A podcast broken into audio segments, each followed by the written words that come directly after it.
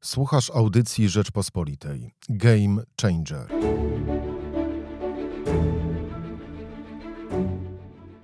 Zaczyna się ostatnia prosta w kampanii w wyborach prezydenckich w Rzeszowie. Oczy bardzo wielu polityków, komentatorów i dziennikarzy zwrócone są na stolicę Podkarpacia. Zapraszam na rozmowę z kandydatem popieranym przez całą opozycję, Konradem Fiołkiem. Na program zaprasza Michał Kolanko.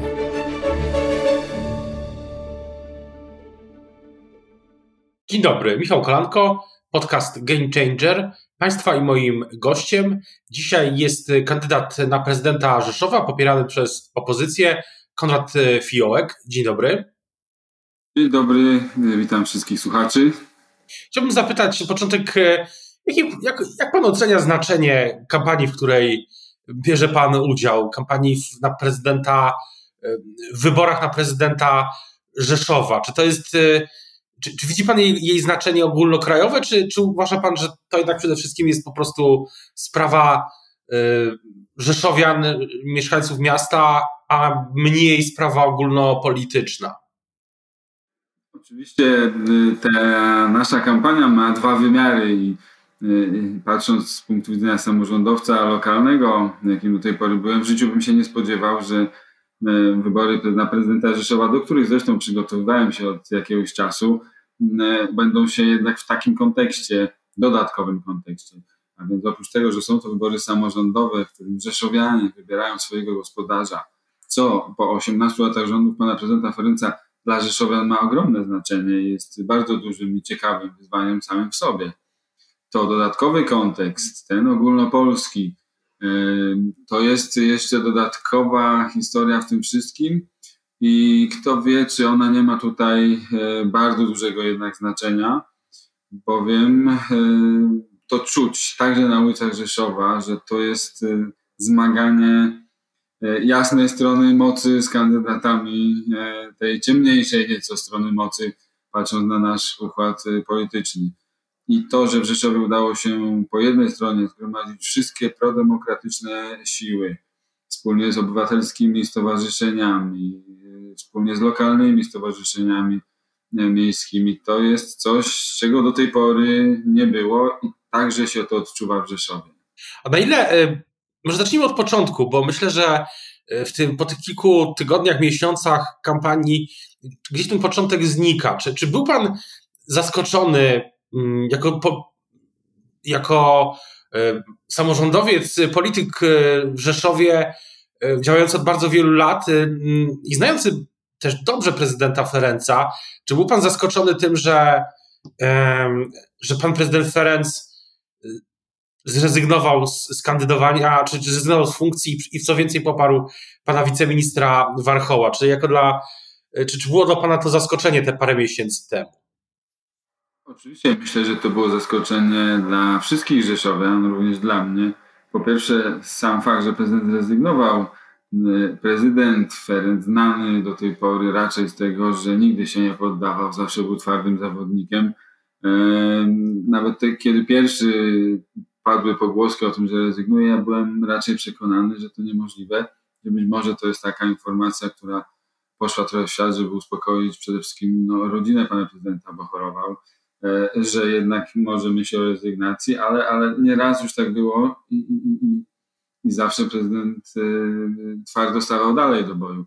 E, stąd było to zaskoczenie po pierwsze, sama rezygnacja, ale jak się okazało zrozumiała. Prezydent jednak ma swoje lata, te choroby i niezbyt łatwy przebieg ich w ostatnim czasie zupełnie naturalnym powiem, że, to, że, że rzeczywiście miał prawo taką decyzję podjąć. Natomiast tak? Tak, natomiast kontekst potem tego wszystkiego e, no, no, był jeszcze bardziej e, niezrozumiały dla wszystkich.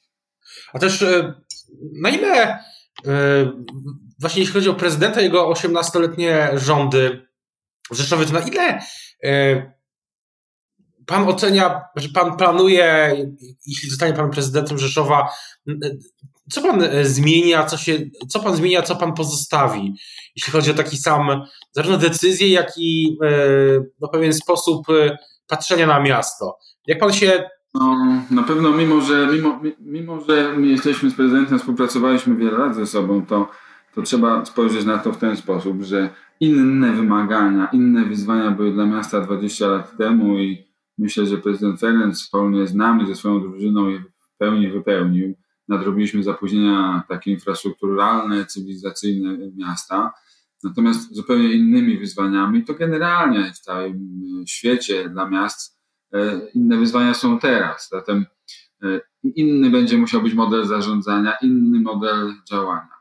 Najważniejszym wyzwaniem dla miast współcześnie jest tak naprawdę zapewnienie jakości życia mieszkańcom, bo okazuje się, że jednak e, no, po pierwsze za, za ładnych paręnaście lat być może będzie w miastach mieszkało już dwie trzecie populacji albo 70% populacji światowej Y, okazuje się, że dzisiaj wyzwania klimatyczne są nieprawdopodobnie pilne i istotne i one szczególnie dotyczą miast.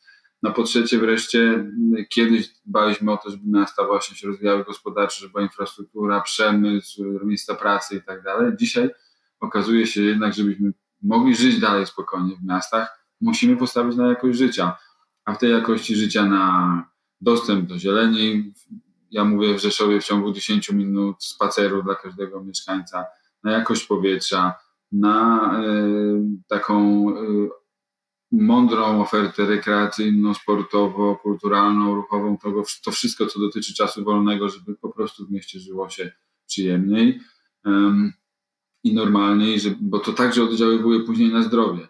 Dzisiaj te miasta, zwłaszcza po pandemii, przekonaliśmy się, jak ważne jednak tym wszystkim na końcu jest zdrowie, relacje społeczne, które w mieście trzeba budować. Zatem nowe miasto to miasto już, które nie opiera się na geniuszu jednego przywódcy, ale y, opiera się przede wszystkim na korzystaniu z potencjałów wszystkich mieszkańców, na, na, na pytaniu, konsultowaniu, y, korzystaniu z ekspertów i własnych endemicznych, endogenicznych potencjałów. A na ile, e, wracając na chwilę do tego, co było przez te 18-20 lat, 20 lat, a na ile trudno teraz panu kandydować przeciwko komuś, kogo poparł Tadeusz Ferenc, jak, jak pan sam mówił, osoba, z którą przecież wiele lat pan współpracował w, na przestrzeni miejskiej, Rady Miasta. To jest dla pana teraz powód do. Mm, to jest kłopot w tej kampanii dla pana? Że startuje pan przeciwko panu wiceministrowi Warchołowi, który no, w nazwie swojego komitetu ma e, imię i nazwisko mm, prezydenta Ferenca. Dla mnie to naprawdę nie jest żaden problem. Zresztą z prezydentem wiele współpracowaliśmy. E, zawsze był twardym zawodnikiem. Mogę powiedzieć śmiało, że od niego się także tego nauczyłem. Ale w tym wszystkim jest ważniejsze nawet i co innego. Ja wspomnę taką historię, o której kiedyś rozmawialiśmy z prezydentem Ferencem, który mi powiedział swego czasu, Wiesz, Konrad, mi nikt nie pomagał zostać tym prezydentem. Sam sobie to wywalczyłem. Jeśli ktokolwiek po mnie będzie chciał i myślał zostać tym prezydentem, przede wszystkim powinien myśleć o tym sam, jak dotrzeć do mieszkańców, jak ich przekonać, jak zbudować program, jakie mieć wizję rozwoju, a nie liczyć na to, że ktoś pomoże lub poprze. Ja to po prostu robię.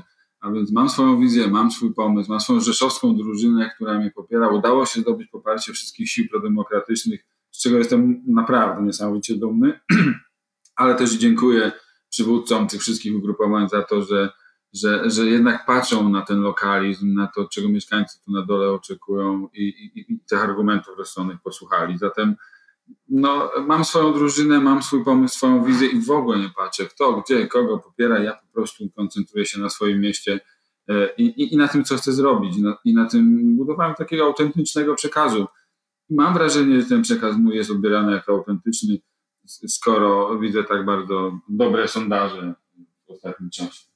Ale przechodząc do, jeszcze wracając za chwilę do tego wątku, o którym Pan wspomniał, pandemii. No Pan przez e, wiele lat jest samorządowcem i jak Pan ocenia te, ja to o to pytam często samorządowców też, e, jak Pan ocenia te zmiany? Co, co pokazała pandemia, z której mam nadzieję, że już można powiedzieć, że z, z tej pandemii wychodzimy. Co, co, co przez ten rok pan jako samorządowiec też, zanim zaczęła się kampania, się, się nauczył? Co, co było tu jako ważną lekcją? Mm, bo myślę, że każdy z nas, niezależnie od pełnionej funkcji, jakąś lekcję w, w, w tej przez ostatnie miesiące odebrał. Dla mnie jaka najważniejsza lekcja z tego wszystkiego e, to lekcja, kiedy no jako, jako miasto maniak obserwowałem, co się dzieje i od wielu już lat mówiliśmy o tym, że w miastach powstają często takie osiedla, gdzie sprowadzają się ludzie, często z zewnątrz, często z innych części miasta i tam nie budują się w ogóle relacje. Ludzie mało się znają, rzadko kiedy sobie mówią dzień dobry. Potem w pandemii się okazało, że tak, że zamykano nas całymi rodzinami na kwarantannach, że nie było komu zrobić zakupów albo pomóc starszej osobie samotnej. E, I, i, pojawiały się spontaniczne inicjatywy sąsiedzkie, pomóżmy sobie nawzajem, róbmy sobie zakupy, wyprowadźmy sobie psa i tak dalej, i tak dalej. I okazało się co? Że najważniejsze jest w mieście budowanie relacji międzyludzkich. Żebyśmy przyszłości, jak powiedziałem, w miastach w przyszłości przetrwali, to musimy budować te relacje. Zatem zadaniem miast i włodarzy jest przygotowywanie przestrzeni publicznej do budowania tych relacji, wspieranie programów miękkich, aktywizujących, integrujących, wspierających budowanie tych relacji w przestrzeniach publicznych, tych otwartych, tych zamkniętych, kulturalnych, rekreacyjnych, zielonych.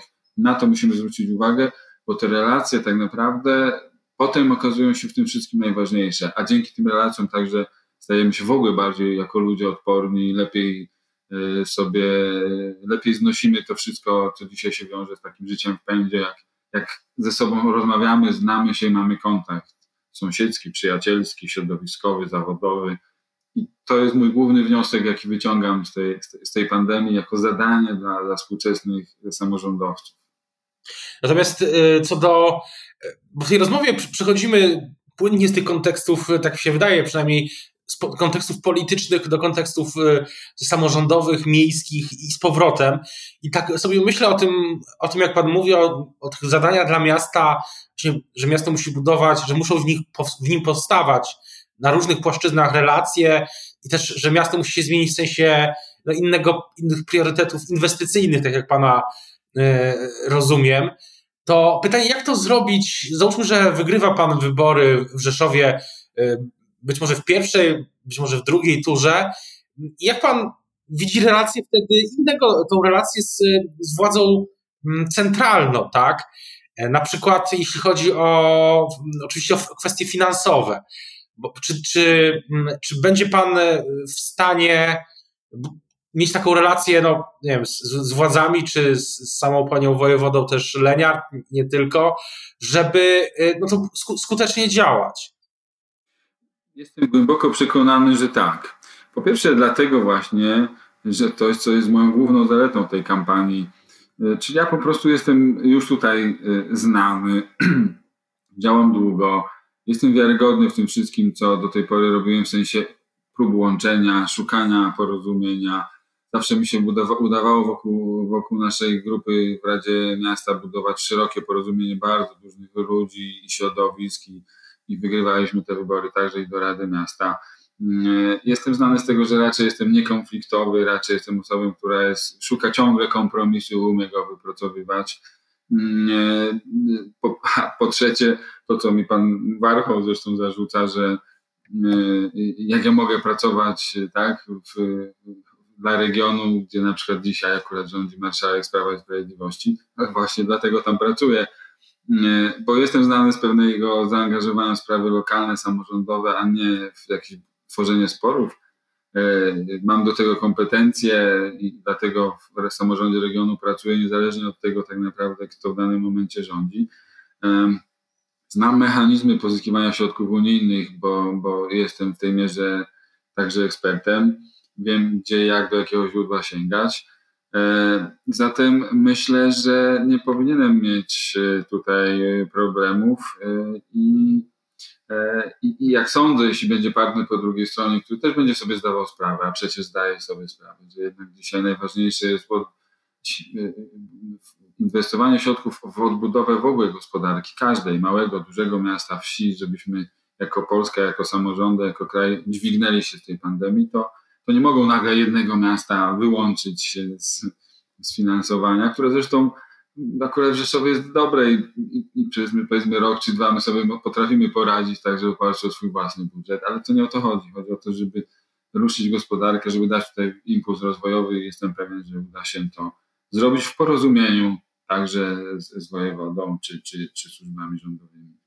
A na ile w tym wszystkim, albo przechodząc jeszcze na chwilę do samej kampanii wyborczej, bo nagrywamy naszą rozmowę w poniedziałek, pięć dni przed ciszą wyborczą, przed pierwszą turą wyborów. Więc spodziewa się Pan jakiegoś jeszcze właśnie game changera na sam, na sam koniec tej kampanii? Coś się jeszcze może wydarzyć? Bo taka moja obserwacja, jeśli chodzi o ogólnie kampanie wyborcze i te lokalne, i te ogólnokrajowe, zestawiając ją z, z kampanią rzeszowską, to mam wrażenie, że oczywiście ona była dłuższa niż się wszyscy spodziewaliśmy przez, ten, przez to przesunięcie. A, a z drugiej strony, no, wydaje się, że była relatywnie spokojna. Czy, czy myśli pan, że będzie taka nadal? Ja, ja oczywiście y, nie oczekuję, że będzie taka nadal, ponieważ już widzę w ten weekend bardzo dużą nerwowość wśród kandydatów, bo pokazują się kolejne sondaże, których ja już zbliżam się do 50% w pierwszej turze. Tą nerwowość widać w ostatnich debatach, już niemalże falowe ataki na mnie idą. Y, zatem spodziewam się, że tu jeszcze będą się cuda działy i nie wiadomo czego jeszcze o sobie się dowiem i, Bóg wie, co tam będą się im jeszcze przylepić. Ale mimo wszystko mam nadzieję, że mieszkańcy już w takie próby odwrócenia czegokolwiek na ostatniej prostej nie uwierzą. Zwłaszcza, że tak naprawdę głównym game changerem w naszej kampanii Rzeszowej był sam ten fakt opóźnienia tych wyborów. Bo tu próbowano wpływać na ich wyniki. E, kiedy ja byłem na fali wznoszącej, a kandydaci z obozu rządzącego byli w powijakach, no to przesunięto te wybory, żeby wyhamować mój impet, a im pozwolić się podnieść. To po pierwsze. Po drugie, drugą turę ustawiono, ewentualną drugą turę ustawiono na pierwszy weekend wakacji, w pełni świadomie wiedząc, że ludzie, zwłaszcza mobilni, zwłaszcza rodzice, zwłaszcza wiekowo mi bliżsi mojemu elektoratowi, E, będą chcieli masowo wyjechać na wakacje po tym trudnym pandemicznym roku, zabrać dzieci i wyjechać odpocząć jak najszybciej. I oni to doskonale wiedzą i specjalnie taką manipulacji użyto. Więc to jest próba wpłynięcia na wyniki i na zmianę e, tej gry. Sam fakt tego przedłużenia. Mam nadzieję, że i ten sam fakt przedłużenia, który paradoksalnie tak mi służy, bo mieszkańcy oceniają teraz tak na spokojnie, który tu przekaz jest wiarygodny, kto tutaj tylko bajeruje, a kto tak naprawdę chce to miasto później poprowadzić. I, yy... tak, tak. Czyli stawia Pan taką tezę, że to, że te wybory zostały przesunięte, to zadziałało yy, przynajmniej przed tą pierwszą turą na Pana korzyść, tak? Miało, miało powstrzymać mój impet i podnieść z, z, z sondaży, zwłaszcza panią wojewodę. Ten drugi element się udał, to znaczy rzeczywiście y, y, pani wojewoda sprofesjonalizowała tą kampanię, ktoś jej tu z zewnątrz chyba pomaga i, i to widać, więc się podniosła powyżej pana Warchoła, to był chyba jej główny cel. E, I ten cel został osiągnięty przez obóz władzy. Natomiast drugi cel, który miał mój, mój, mój wzrost wyhamować, e, próbować mnie zdeprecjonować, na razie odpukać nie został osiągnięty bowiem, tak jak powiedziałem, mieszkańcy rzeczywiście mają czas, żeby ocenić wiarygodność przekazu. Jeśli nie, nie dokona się jakiegoś tutaj próba obrzucenia mnie wyjątkowo brzydkim błotem na sam koniec, to myślę, że będzie ten fakt y, mi mimo wszystko służył. A na koniec chciałbym jeszcze zapytać o jedną rzecz. Y, jeśli zostanie pan prezydentem Rzeszowa, to jak pan sobie to planuje, jaka byłaby taka pierwsza duża decyzja, którą pan by podjął i chciał zrealizować, może nawet, chociaż wiadomo, w samorządach, e, w samorządzie, czy też w ogóle no, niektóre procesy zajmują wiele lat, ale pierwsza decyzja, którą pan by na pewno podjął, czy pierwszy pakiet decyzji, które, żeby, chciałby pan, żeby były widoczne efekty tychże decyzji w pierwszych 100 e, dniach e, pana urzędowania. Jakie byłyby to decyzje? Jedna z najważniejszych decyzji to te dotyczące właśnie naszej przestrzeni. To znaczy, My już pracujemy nad pewnym studium e, uwarunkowań kierunków zagospodarowania przestrzennego. Co prawda, rzeczywiście uchwalimy to ostatecznie za rok, ale już w pierwszych dwóch miesiącach ruszę z konsultacjami społecznymi w tej sprawie i przekażę i pokażę mieszkańcom kluczowe założenia i przedłożę to pod dyskusję. E, powołam miejskiego architekta, który będzie nadzorował te właśnie przestrzenne procesy. E, I po trzecie, wytyczę i wskażę konkretne tereny pod nowe tereny zielone, które poddam procesowi uchwalenia planu i wykupu terenów pod te tereny zielone, tak żeby zrealizować tą wizję dostępności do zieleni w ciągu 10 minut. Powołam Radę Artystyczną przy prezydencie, pełnomocnika do spraw równo, równego traktowania i wdrożę takie mechanizmy na pewno konsultacyjne ze społeczeństwem, żeby przede wszystkim wierzyło w to, że ma sensowny wpływ na, na e, to, co się w mieście dzieje. Będzie panel klimatyczny, który obiecałem zresztą Szymonowi Hołowni, e, będą panele społeczne.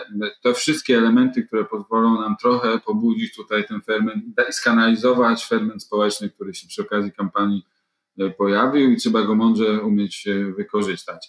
W sensie decyzji budżetowych, na pewno dokonam stosownych przesunięć w kierunku tych najbardziej oczekiwanych niedużych inwestycji, na, zwłaszcza przyłączonych osiedlach w Rzeszowie, bo tam jest ogromne oczekiwanie na to. Ale to już takie nasze wewnętrzne uwarunkowanie.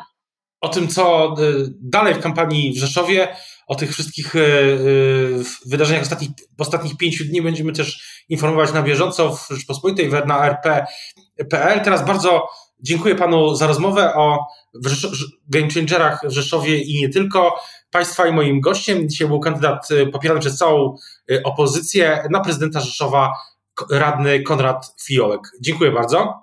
Dziękuję bardzo panie dyrektorze, dziękuję wszystkim słuchaczom. Pozdrawiam serdecznie z pięknego Rzeszowa i zapraszam w odwiedziny sympatyków Rzeszowa z całej Polski. Pozdrawiam. Słuchaj więcej na stronie podcasty.rp.pl. Szukaj Rzeczpospolita Audycje w serwisach streamingowych.